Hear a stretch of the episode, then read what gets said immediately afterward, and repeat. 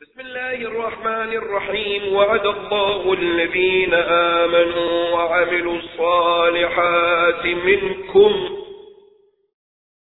ليستخلفنهم في الأرض كما استخلف الذين من قبلهم. كما استخلف الذين من قبلهم وليمكنن لهم دينهم الذي ارتضى لهم وليبدلنهم من بعد خوفهم أمنا يعبدونني لا يشركون بي شيئا.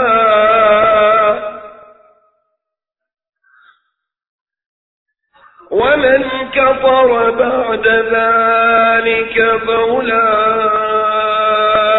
هم الفاسقون.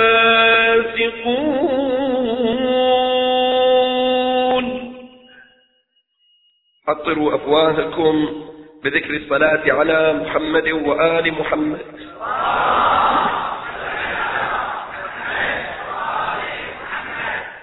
الرسول الأعظم صلى الله عليه وآله وسلم بعد أن رجع أو هاجر من مكة إلى المدينة والتحق به بعض المسلمين الذين هاجروا أيضا معه أو بعده واستقبله الأنصار الرسول الأعظم شكل أول دولة إسلامية في المدينة المنورة. لكن طبعا الآن كلامي مو في حياة رسول الله كمقدمة لهذه الآية المباركة من يوم أن نزل الرسول المسلمون كانوا دائما يحملون معاهم السلاح حتى في حال النوم المسلم إذا كان ينام كان يخلي معاه السلاح. ما كانوا آمنين من الخطر. إلى درجة أن بعض المسلمين صار بهم حالة مثل ردة فعل. يعني إلى متى الخوف؟ إلى متى التعب؟ إلى متى حمل السلاح؟ هل يجي يوم من الأيام إحنا أيضا ننام مرتاحين؟ نزل جبرائيل على رسول الله بهذه الآية المباركة. وعد الله. وعد من الله. أحنا الناس ممكن نعد ونخلف وعدنا. لكن الله سبحانه وتعالى لا يخلف الميعاد. وعد الله في آية أخرى في القرآن وعد الله حق. الله سبحانه وتعالى ما يخلف الوعد. وعد الله الذين آمنوا وعملوا الصالحات. المؤمنين. الليلة الماضية في آية الآية اللي تلوتها على مسامعكم. أن الأرض يرثها عباد الصالحون. قلنا بكلمة عبادي موجود قضية التوحيد. والصالحون هم الذين يكون لهم الصلاحية في جميع الموارد. وقرأت لكم بعض مزامير داود من العهد العتيق. وما جاء في زمر داود نفس الآية هذه الليلة أيضا الله سبحانه وتعالى يأكد على نفس الموضوع. الذين آمنوا الشرط الأول الإيمان والشرط الثاني العمل الصالح. وعد الله الذين آمنوا وعملوا الصالحات. هذا كلش مهم. يعني الإيمان المجرد ما يفيد حقيقي والعمل بدون إيمان أيضا ما يفيد. أكو بعض الناس هذا يقول أنا إنسان طيب نفسيتي طيبة أتصدق على الفقراء. عندي يعني خير. ولكن صلاتي صار صار ما صار ما صار. الله ما يقبل هذا يعني الإيمان والعمل الصالح توأمان الإمام أمير المؤمنين علي بن أبي طالب صلوات الله وسلامه عليه يقول الإيمان والعمل توأمان الإيمان والعمل. لا يفيدك الإيمان بدون العمل ولا يفيد العمل بدون إيمان. طبعا هذا أيضا بحث مفصل يلي محاضرة. الآن كإشارة كانت. وعد الله الذين آمنوا وعملوا الصالحات ليستخلفنهم في الأرض. يقينا. اللام أنتم الحمد لله عرب. اللام للتأكيد. لا يستخلف. بعدين ما يقول لا يستخلفهم في الأرض؟ يقول لا يستخلفن. هاي النون اسمها نون التأكيد. اللام لام التأكيد والنون نون التأكيد. لا يستخلفنهم في الأرض. يقينا سيصبح يوم من الأيام خلفاء الأرض. أول خلي أكمل مفردات الآية حتى أجي إلى المعنى. لا يستخلفنهم في الأرض. الأرض يعني شنو؟ يعني كل الكرة الأرضية. سيصبح, سيصبح يوم من الأيام خلفاء الأرض. زين شنو معنى كما استخلف الذين من قبلهم؟ آراء للمفسرين. الرأي الأول يقول الغرض من هذه الكلمة الذين من قبلهم هم آدم وداود وسليمان. بأي دليل؟ بدليل القرآن نفسه. لما يوصل إلى آدم يقول إني جاعل في الأرض خليفة. إذا آدم كان خليفة الله على كل الأرض. كما استخلف الذين من قبلهم أي كما استخلف آدم على الأرض. هذا معنى. أما داود يا داود إنا جعلناك خليفة في الأرض. إذا داود أيضا في زمانه حكم الأرض. وسليمان وورث سليمان داود سليمان أيضا كان خليفة داود على الأرض. بل سليمان حكم حتى على الحيوانات والجن مو فقط على الإنس حكم على الجن أيضا. وكان له قدرة هائلة سليمان مع التفصيل والقضايا التي تأتي بقصص سليمان. على نبينا وآله وعليهم السلام جميعا. إذا كما استخدم الذين من قبلهم هذا رأي يقول هم آدم وداود وسليمان. الرأي الثاني يقول لا.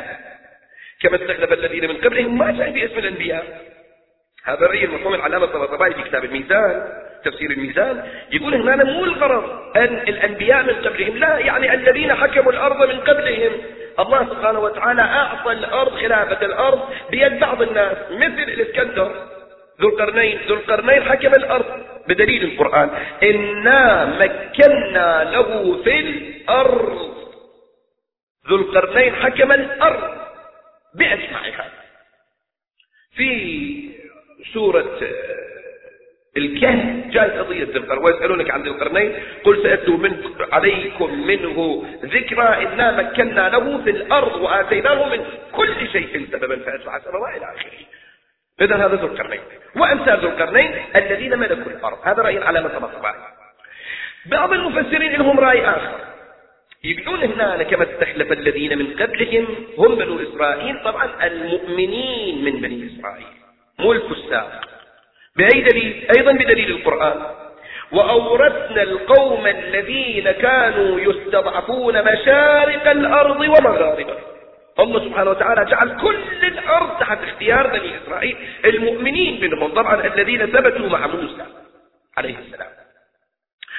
وبعد أن أغرق الله سبحانه وتعالى فرعون أورثهم الأرض. هذه أيضا نظرية.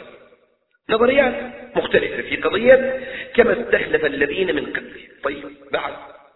وليمكنن لهم دينهم الذي ارتضى لهم. الله سبحانه وتعالى يا دين ارتضاه للعباد. تعرف يا دين؟ بصريح القرآن. بعد ما رسول الله إخواني والله ما أتكلم عن تعصب. مو تعصب أعمى أنا وأنت والقرآن والأحاديث والتفاسير. واللي عنده كلام خليجي قباضي يقول. بعد ما نصب رسول الله المولى أمير المؤمنين علي بن أبي طالب سلام الله عليه. وقضية غدير خم ما يذكرها واحد واثنين ومية ومئتين وألف وألفين. عرفت؟ آلاف الروايات والكتب تذكر قضية علي بن أبي طالب أن رسول الله في يوم 18 في حجة من سنة عشرة هجرية أخذ بيد علي بن أبي طالب وأصعد بيده حتى بان بياض إبطيهما. وقال من كنت مولاه؟ فهذا علي المولى لا يختلف عليه اثنان من المسلمين. إذا إحنا نكون أهل مطالعة وأهل عقل وأهل تدبير وأهل علم أنا ما علي كلام بعض الحسالات الجهال. يقعد يحكي من وراك. ما لهم قيمة. لا إذا واحد يحكي بمنطق العلم أنا وأنتم هذا الكتب التاريخ وإلا أنا لا شايف علي ولا شايف معاوية إحنا إنما آمنا بأمير المؤمنين سلام الله عليه وإنما نخالف معاوية بن أبي سفيان لأن هذا التاريخ الصحيح امامنا تعالوا شوفوا فلنكن نتحدث. حتى بعد بياض الطيب ذكر وياي الإخوان اللي كانوا بالليلة الأولى من المجلس. قال إني أعلم ما قال إني أعلم ما لا تعلمون هذا ما خليه اجت واجت إلى يوم من الأيام قال يا أيها الرسول بلغ ما أنزل إليك من ربك. هذه الماش قد كانت في تاريخ البشرية. الذي الله سبحانه وتعالى يهدد رسوله الأمين يقول وإن لم تفعل. هاي كلمة أنت هديد وإن لم تفعل فما بلغت رسالته كل الإسلام بدون هذا الما باطل الإسلام ناقص علي بن أبي طالب يساوي صفر. بلغ ما أنزل إليك. وإن لم تفعل فما بلغت. إن أنا هاي ما ثانية نافية. فما بلغت رسالته رسالتك صبر يا رسول الله. ما إلى نفس المعنى. ولولا علي لما خلقتك. طيب. فنصبه رسول الله صلى الله عليه وآله وسلم. وليمكنن لهم دينهم. القرآن ترى يفسر بعض بعض أنا كل أنا مدى أطلع من رحاب القرآن. وليمكنن لهم دينهم الذي ارتضى لهم. يا دين الذي الله ارتضى بعد ما نصب علي بن أبي طالب رسول الله نزل جبرائيل بهذه الآية من الله اليوم أكملت لكم دينكم وأتممت عليكم نعمتي ورضيت لكم الإسلام دينا.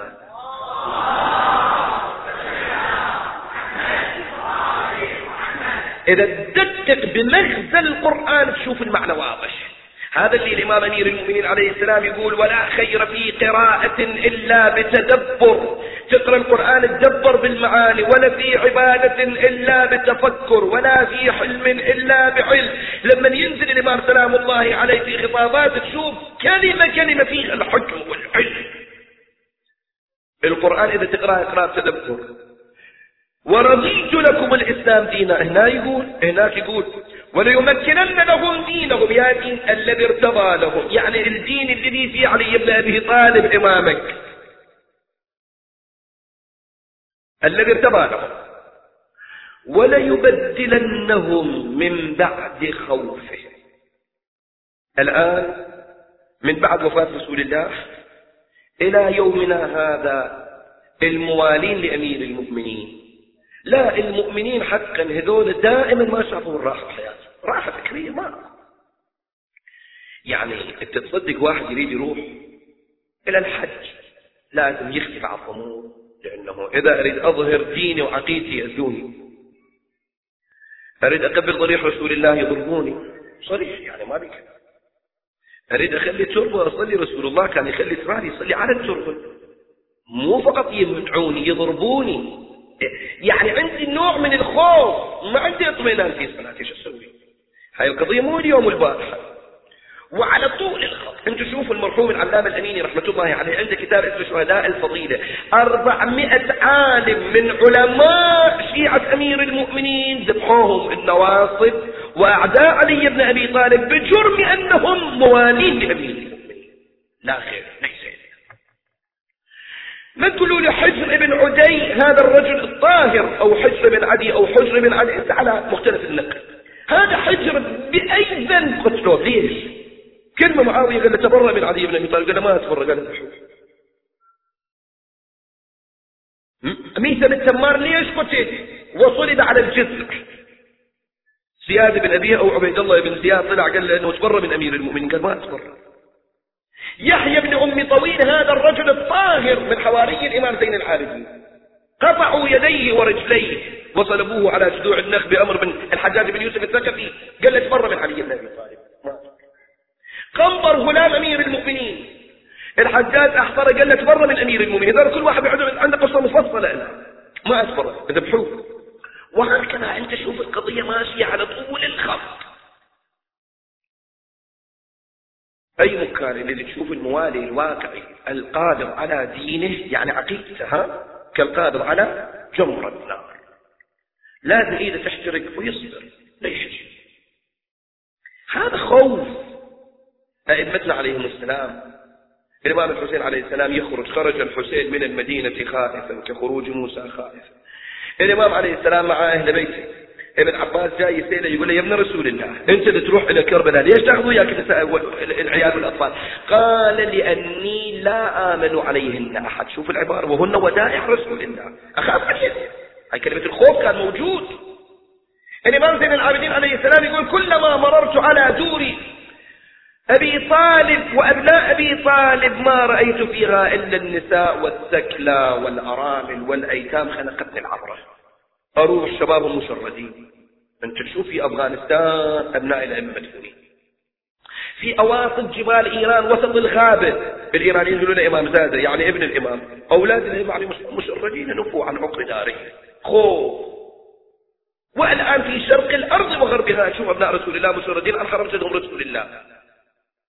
زين هذا الخوف شو وقت ينفي ولا يبدلنهم من بعد خوفهم أمنا إن شاء الله يجي اليوم اللي كلكم تحسون الأمن والأمان في حكومة المولى الحجة بن الحسن صلوات الله وسلامه عليه.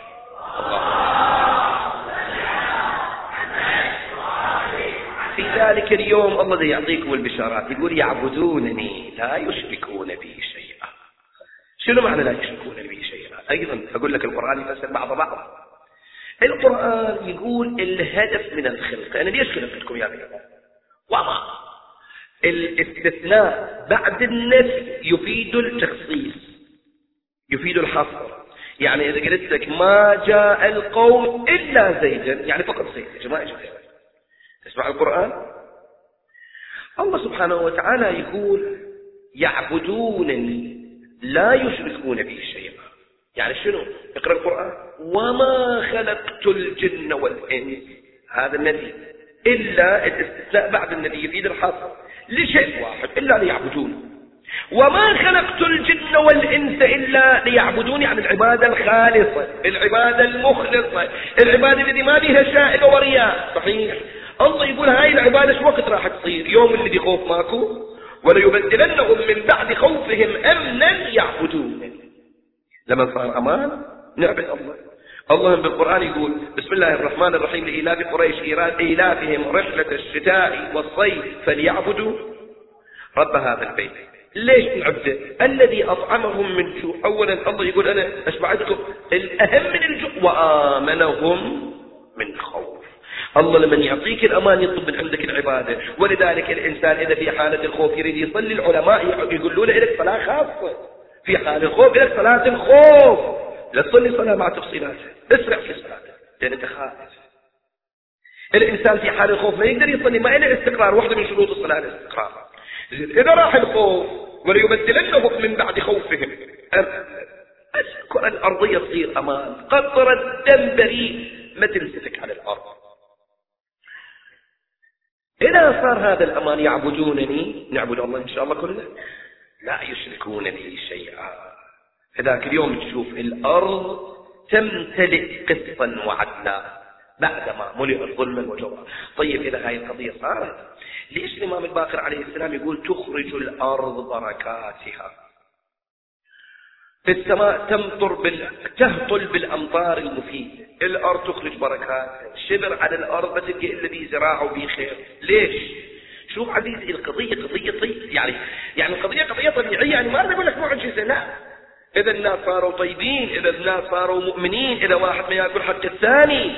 إذا كل الأرض صار أمن وأمان. طبيعي الأرض تخرج بركات يعني أنت لما تعرف نفسك أنه إلك أمان الأرض موجودة والمياه موجودة تروح تسبح. الأرض يصير بها زراعة الأرض يصير بها خير يحم الخير. هي القضية مو كلها راح تعتمد على المعاجز في زمن الإمام الحجة سلام الله عليه. الإمام الحجة عليه السلام حينما يقوم بعض المعاجز تصير صحيح. الإمام عليه السلام يقوم بالسيف؟ شنو معنى السيف؟ إن شاء الله أشرح في ليلة من الليالي. اللي شنو معنى يقوم بالسيف؟ الإمام عليه السلام يقوم بالسيف؟ الإمام عليه السلام؟ بقدر الإمكان ما يقتل إلا إذا أجبرته الظروف يعني أكو بعض الناس لجوج عنود معاند يشوف الشمس يقول هاي مو الشمس. هاي بحثة سودة إيش تسوي؟ هذا غير القتل مي يعني هذا إذا ما تقتل ضرر. هذا مثل واحد صاير فيه جزء من جسم صاير به مرض. الأطباء يقولون إذا نقطع اصبعك هذا الاصبع المريض راح يأثر على كل الجسد. لازم نقطعه هذا من صالح يقطعونه من صالح المجتمع أن يقطعون به بعض الموارد. وإلا الإمام سلام الله عليه مو قاسي. ولا الإمام سفاح وسفاك دماء الإمام رؤوف رحيم. نفس الأخلاق اللي في رسول الله في أخلاق الإمام المنتظر. بالمؤمنين رؤوف رحيم. هذه من صفات رسول الله نفسها موجودة في خلفاء رسول الله وخاتمهم وهو الإمام المنتظر صلوات الله وسلامه عليه. لكن القضية من هذاك اليوم من أول الإسلام الله سبحانه وتعالى أعطى البشارة. وقبل الإسلام إلى الأنبياء الله أعطى البشارة. والله اليوم الذي خلق آدم قبل أن يخلق آدم أعطى البشارة للملائكة. الناس في انتظار. هذه الانتظارات أحدثت انحرافات. ولذلك إذا تذكرون الليلة الليلة الثانية من المجلس لما أنا قرأت الروايات عن المعصومين عليهم السلام أكثر المعصومين كانوا يأكدون أن الذين يثبتون على ولائهم للإمام المنتظر عليه السلام أعز من الكبريت الأحمر. هذول الله يحبهم. ليش؟ لأن صارت انحرافات في الدولة الإسلامية لا في الحضارة الإسلامية بعد رسول الله وإلى الإمام المنتظر عليه السلام صارت انحرافات في الناس. الناس تفهم من رسول الله آه المهدي من ولدي يملأ الأرض قسطا وعدلا بعدما ملئ ظلما وجورا. كانوا ينتظرون المهدي. قلت الجماعة قالوا محمد بن الحنفية هو الإمام المنتظر. الكيسانية. اضمحلوا راحوا واحدة من الجماعات التي وقفت بوجه أئمة أهل البيت عليهم السلام هم الفرقة الواقفية. هذول شنو صار قضية الإخوان؟ لازم إحنا نعرفها أولا كثقافة عامة نعرف تاريخنا الماضي ونعرف ليش صارت الانحرافات. في الرواية يقول إذا فسد العالم فسد العالم. العالم إذا صار فاسد تعوذ بالله. بلعب من باعورة كان عالم. هذا صار فاسد دين ما عنده. هذا من فاسد العالم تدري يعني آلاف من الناس يتبعوه. فإذا صار فاسد نعوذ بالله يفسد ويا جماعة في زمن الإمام الكاظم الإمام مسلم بن جعفر عليه السلام الإمام كان مسجون ينقل من سجن إلى سجن والشيعة كانوا تحت الاضطهاد الشديد. مثلا محمد بن أبي عمير هذا كان من أصحاب الإمام مسلم بن جعفر. محمد بن أبي عمير كاتب آلاف الروايات. وبصعوبة ذاك اليوم واحد شلون يحصل الورق وشلون يحصل الزواج والقلم. ما كان مثلنا نطلع قلم الدقيقة تكتب لا هذا لازم كل كلمة اللي يكتب يخلي القلم في الجوهر ويشيله مرة ثانية يجيب على الورق يعني كان صعوبة صعوبة. هذا آلاف الروايات كتبها على أوراق في بيته. وإذا جلاوز هارون العباسي اجوا عليه لإلقاء القبض عليه. محمد بن أبي عمير من العجل اللي كان عنده شو يسوي؟ سريع راح حفر القاعد بيته وذن الدفاتر والأوراق كلهن دفنهن وأخذ عليه التراب. إجوا اخذوا كل ما فتشوا ما حصلوا الأوراق. وين؟ الأوراق كانت روايات وأحاديث. اللي إلى يومنا هذا بعض هاي الروايات والأحاديث تشكل قسم مهم من فقه الإمام الصادق عليه السلام. يعني فقه الشيعة اليوم ركن من أركان فقه الشيعة قائم على روايات محمد بن أبي عمير رضوان الله عليه. هذا الرجل له حق علي وعليك عزيزي محمد بن أبي عمير ضم الدفاتر تحت الأرض. دفن من التراب. أخذوه إلى هارون العباس. هارون قال له يعترف الشيعة منو منو الآن شيعة موسى بن جعفر؟ لأن موسى بن جعفر كان بالسجن. قال له أنا ما أعرف. هنا الكذب؟ مو جائز واجب. الكذب إخواني بعض الأوقات يصير واجب تعرف؟ الكذب حرام لكن بعض الأوقات يصير واجب.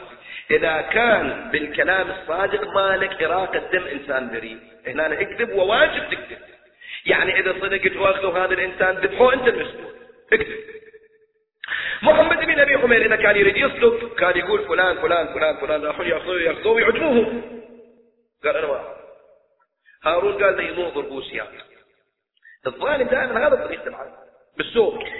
زين كم صوت ألف صوت نستجيب بالله نعوذ بالله. ألف صوت ضرب محمد بن أبي عمير نحلوا جسمه. ثوبه التصق بجسده. يعني اللحم ويا الجلد ما كان تقدر تطلع الثوب إذا تريد تطلع من جسمه جلده كان يشبه على ثوبه. والدماء تسيل من عنده. اعترف! قال أنا ما اعرف ما اعرف الله أكبر هاي بغداد شلون أيام شايفة هاي بغداد شنو من مؤمنين وأبرياء عذبوا في هذا البلد؟ ألف شلون تعذبوا ما أعتقد 15 سنة كان في السجن الرجل. عمره 15 سنة. ما أعتقد صرت كان كشاهد الشيعة كانوا تحت اضطهاد وإمام الشيعة هو المولى موسى بن جعفر سلام الله عليه في السجن ومعذب. وتقولون بعد السلام على المعذب أصلا. هو إحنا نزور نقول السلام على المعذب في قعر السجود سجن ابن شايك يقول بعض الأوقات كنت أضربه بالسجود لا إلا بل كان ينظم الإمام سلام الله عليه على خده الطاهر. علما السجن والسجن كل إشكال شديد وضيق على الإمام ومقابلة الإمام ممنوعه بالمقابل الإمام عليه السلام كان عند بعض الوكلاء ذاك اليوم الآن وكيل المرجع له وكيل. ذاك اليوم كانوا يقولون القوام القوام. جمع القائم. القوام هم وكلاء الإمام ال آه، قلت جمع القائم غلط. جمع القيم. القوام هذول كانوا وكلاء من قبل الإمام موسى بن جعفر عليه السلام. الناس كانوا يعطوهم الأموال هذا كان الوكيل يأخذ الأموال يخزن الأموال. إلى اليوم اللي يقدر يتصرف في خدمة الإمام موسى بن جعفر عليه السلام يقدم الأموال إلى الإمام موسى بن جعفر. اللي تفكر يقدمها إلى الإمام. إذا ما تفكر والإمام عليه السلام استشهد يقدمها إلى الإمام. من بعده هذا كان قانون الوكيل من قبل الإمام المعصوم. جماعة من هذول اجتمعت عندهم أموال طائلة واحد من عندهم زياد القندي. زياد القندي اجتمعت عند سبعين ألف دينار ذهب. وكل دينار ذهب كان ليرة ذهبية. الليرة الذهبية الآن بالسوق بالكويت قريب العشرين دينار قيمتها. في عشرين دينار كويتي. انت احسب سبعين ألف عشرين دينار كويتي. شوف بمبلغ اليوم إيش قد يعني مبلغ ضخم علما بأن ذاك اليوم أحسن بيت وأحسن قصر كان يشترى ويباع بمثلا مئة ألف درهم. بعشرين ألف دينار كان يشترى ويباع قصر فخم. فكيف سبعين ألف دينار عن زياد القندي علي بن أبي حمزة البطائني عنده ثلاثين ألف دينار ذهب من فلوس الإمام بن جعفر عليه السلام. سهم الإمام. جامع. في هذه الأثناء الإمام بن جعفر عليه السلام توفى. استشهد سلام الله عليه. مسموما. الإمام واحد من وكلائه كان اسمه يونس ابن عبد الرحمن. يونس بن عبد الرحمن كان رجل صالح مؤمن رضوان الله عليه. يونس يقول أنا قمت أدعو الناس إلى الإمام علي بن موسى الرضا عليه السلام. يعني الإمام موسى بن جعفر أوصى بالإمام الرضا. وثم من الإمام الرضا إحنا شفنا اخر الشيعة دائما. الإمام المعصوم نطلب من عنده معجزة. إذا شفنا من عنده معجزة نعرفه إمام معصوم وإلا كذب ما نقبله يعني الإمام المعصوم أقول له أنت إمام يقول نعم. أقول له أنا أقول لي كم دينار لازم يقول لي. إذا ما يقول لي مو مو. ما يعرف فيقول أنا كنت أعرف أن الإمام من بعد الإمام موسى بن جعفر هو علي بن موسى الرضا عليه دعوت الناس إليه. يقول أرسل علي زياد القندي وعلي بن أبي الحمزة البطاري يقول له تعال يا يونس إيش دراك الإمام من بعد موسى بن جعفر هو علي بن موسى؟ قلت لهم أنا عندي يقين وعندي آه، إثباتات أن الإمام علي. قالوا لا الإمام موسى بن جعفر هو الإمام الغائب الإمام المهدي. هو موسى بن جعفر. وإذا تقبل عقيدتنا عشرة آلاف دينار ذهب يعطيك. يعني هم عندهم أموال طائلة. يونس يقول أنا شفت القضية معاملة دين ده يشترون ديني. قلت لهم والله لو تخلون قدامه نقطة بعد مئة ألف دينار ذهب ما ما يعطيني وأدعو الناس إلى الإمام مسلم جعفر. يقول غضوا علي وطردون المشكلة في يدي تخلي فكرة. كبير اكو واحد من اصحاب الامام الصادق عليه السلام اسمه سماعة ابن مهران. سماعة ابن مهران ذكر رواية عن الإمام الصادق. شو تقول الرواية؟ الإمام الصادق عليه السلام يشرح حال الإمام المهدي. يقول صاحب هذا الأمر صاحب هذا الأمر يعني صاحب الزمان عليه السلام يعني الذي سوف يملأ الأرض قسطا وعدلا. صاحب هذا الأمر فيه شبه من خمسة من الأنبياء. يشبه يوسف في أنه يحسن يقع مورد الحسن. ويشبه يونس في أنه يغيب عن قومه. ويشبه ويشبه جرأة الآن مو شهر كان علامات الإمام الصادق الإمام الصادق عليه السلام استشهد. في أيام حياة الإمام موسى بن جعفر الإمام السابع موسى بن جعفر عليه السلام كان في السجن. سماع ابن مهران ذكر هذا الحديث لجماعة من الناس. منهم كان أكو واحد اسمه زرعة ابن محمد الحضرمي. زرعة ابن محمد الحضرمي انتظر إلى أيام وفاة الإمام موسى بن جعفر الله. سبحانه وتعالى إخواني مسبب الأسباب بعض الأوقات يريد يمتحن عباده مع وفاة الإمام موسى بن جعفر مات سماعة بن مهار سماعة التي ذكر الحديث عن الإمام الصادق لا تنساها أخذ الموضوع من عند عدل. سماعة توفى. بخمسة من الأنبياء. كذب. الإمام الصادق ما قال ابني هذا قال صاحب هذا الأمر. زرعة بن محمد الحضرمي غير الرواية. قال الإمام الصادق سماع قايل أن الإمام الصادق قال ابني هذا له شبه بخمسة ويغيب كما غاب يوسف. إذا الآن الإمام موسى بن جعفر غاب زين. من يقدر يكذب زرعة بن محمد الحضرمي ماكو أحد. لأن هو ده ينقل عن سماعة. سماعة متوفي هذا واحد. المشكلة الثانية اللي صارت الإمام موسى بن جعفر عليه السلام مستشفى. موجود المشكلة الثالثة اللي زادت في الطين بالله طبعا قلت لك الله سبحانه وتعالى يريد يمتحن العباد الإمام الرضا عليه السلام صار عمره 44 سنة بعد ولد ما عنده قالوا زين إذا الإمام الرضا إمام وين الولد بعده إحنا نعرف. أن الأئمة عليهم السلام لازم يكون من نسل الطاهر الإمام بعده ولي العهد من, من الإمام بعد الإمام الرضا. الإمام الرضا حقيقي ما عنده أولاد إذن لا شك أن موسى بن جعفر هو الإمام الخائن هاي المشكلة صارت مشكلة الأمة الإسلامية ذاك اليوم. زياد القندي وهذا الرجل الثاني علي بن أبي حمزة البطائي هذول لأنه كانت الأموال المكدسة عندهم هذول أيدوا القضية لا إله إلا الله. يعني هذول إجوا قالوا إحنا نعتقد أن الإمام موسى بن جعفر هو المهدي الغائب. بأي دليل؟ بدليل رواية زرعة عن سماعة عن الإمام الصادق. الإمام الصادق قايل ولدي هذا له شبه الإمام ترى ما قايل ولدي هذا. الإمام قال صاحب هذا الأمر. القضية نقلوها بالغلط واستفادوا من عقول بعض السذج البسطاء اللي دائما تعرف الإمام أمير المؤمنين عليه السلام يقول وهمج الرعاء ينعقون مع كل ناعق ويميلون مع كل ريح. شوفوا الهوى منين؟ يمشون ورا الهوى ما عندهم الصلابة ما عندهم في عقيدتهم. المشكلة من هنا صار مذهب الوقف. قالوا إحنا نتوقف إلى الإمام موسى بن جعفر وننتظر يوم ظهوره واحد من عندهم يقول من علماء الواقفية كان الحسين ابن قيامة شخص اسمه الحسين ابن قيامة. يقول الحسين بن قيامة اجى من الليل إلى طلوع الفجر عند الإمام الرضا عليه السلام. قال الإمام الرضا أنت إمام من بعد والدك؟ الإمام مسلم جعفر قال اي نعم. أنا قال لا أنت مو إمام. الإمام قال ليش أنا مو إمام؟ قال لأنه أنت ما عندك خلف أنت منو من بعدك؟ وين ولدك؟ الإمام عليه السلام الإمام الرضا عليه السلام الإمام قال له اصبر أنا ولدي راح يظهر إن شاء الله. بعد كم يوم الله سبحانه وتعالى سيرزقني ولدا. ومن نفس ولدي هذا الله سبحانه وتعالى سيأتي بالمهدي المنتظر. قال له لا أنا ما أقبل كلامك هذا. نعوذ بالله بعض الناس الشكل يعني تقول له قال رسول الله يقول أنا ما أقبل النبي. قبل كم يوم واحد من الشباب خابرني قال لي فلان الرواية اللي أنت قريتها على المنبر قريتها الرواية من رسول الله قال أنا ما أقبل. كيف كيف؟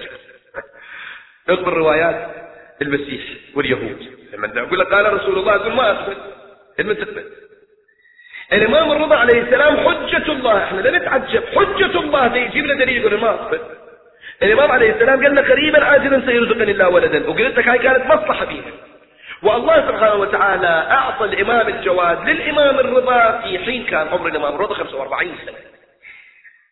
وصارت مشاكل وتعرفون الإمام الجواد عليه السلام في سن الطفولة حسب الظاهر صار إمام. يعني الإمام الجواد كان عمره الشريف سبع سنوات صار إمام. حين استشهاد الإمام الرضا الإمام الجواد كان عمره سبع سنوات. بدأت قضايا الواقفية وتطورت القضية ضد الإمام المهدي عليه السلام. من طرف الحكومة العباسية كانت تستفيد من الموقع. يعني كان كل ما يقدرون يفرقون كلمة الشيعة. هو إمامكم موسى بن جعفر مو مقتول. إمامكم الآن تحت آه، في تحت ستار الغيبة.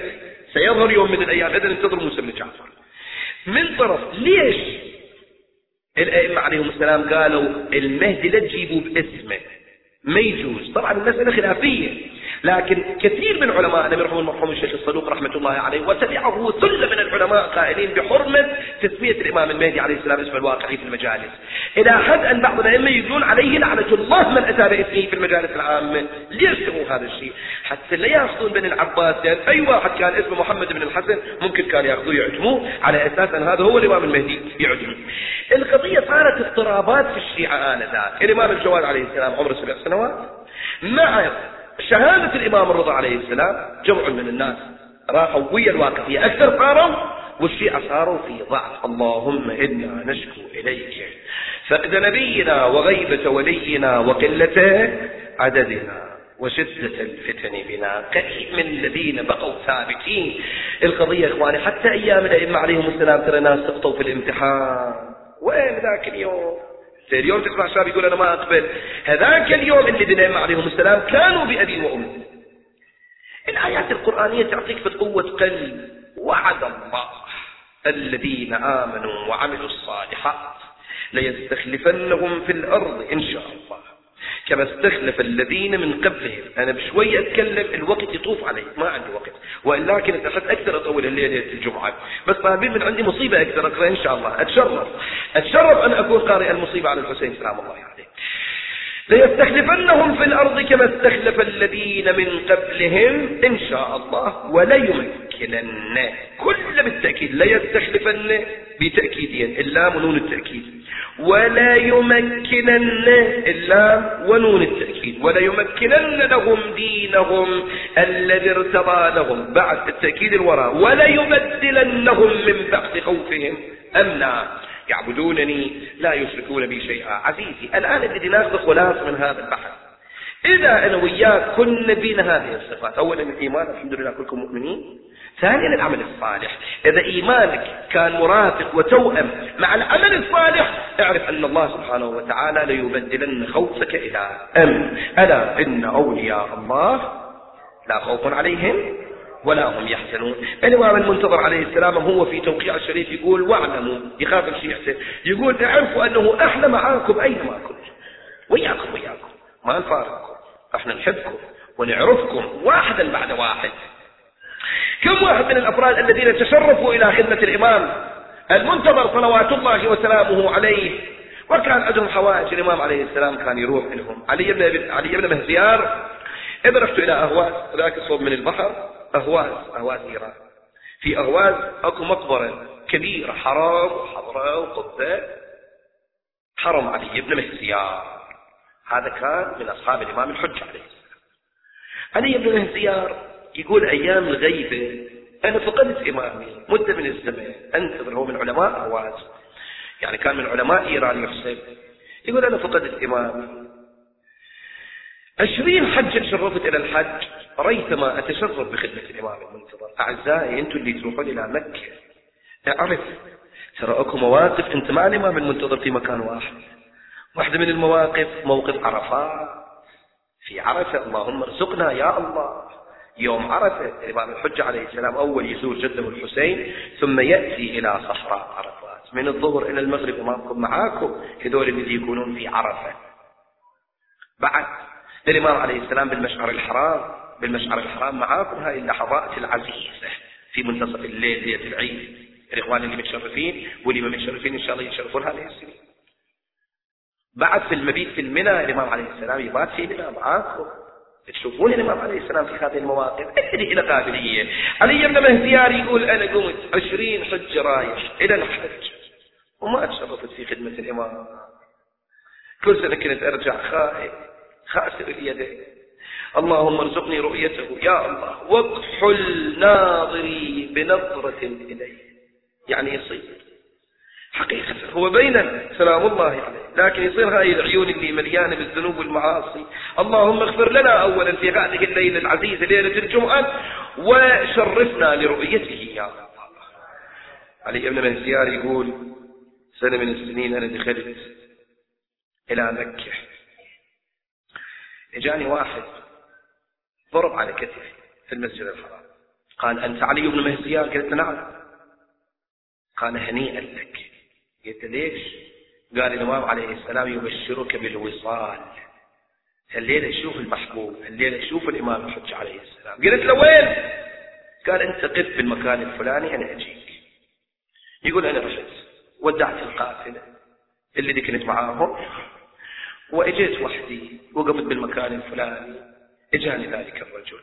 كان معاه فرس ركبت على الفرس أنا وياه رحنا. لحظات مشينا صار منتصف الليل. قال يا علي بن مهزيار انزل. قلت لمه قال لحظات فضيلة صلاة الليل. أصحاب الإمام الحجة عليه السلام ما يتركوا صلاة الليل. انزل. يقول نزلت. توضينا صلينا صلاة الليل. بعد ذلك جئت أنا وذلك الرجل. هذا كان من حواري الإمام الحجة عليه السلام. حتى وصلنا إلى خيمة من الصوف. قل لي يا علي بن مهزيار رتب نفسك. تدري على من تريد تدخل؟ على وصي الأوصياء وارث الأنبياء. هذا الرجل الذي يحمل رسالة على السماء تريد تدخل على الإمام المنتظر. يقول الرجل رفع ستار الخيمة. وإذا بي رأيت آه، شيئا فرشا سجاد على الأرض وشفت وسادتين وسادة على وسادة والإمام الحجة المنتظر عليه السلام كالقمر الطالع جالس ومتكئ على الوسادتين.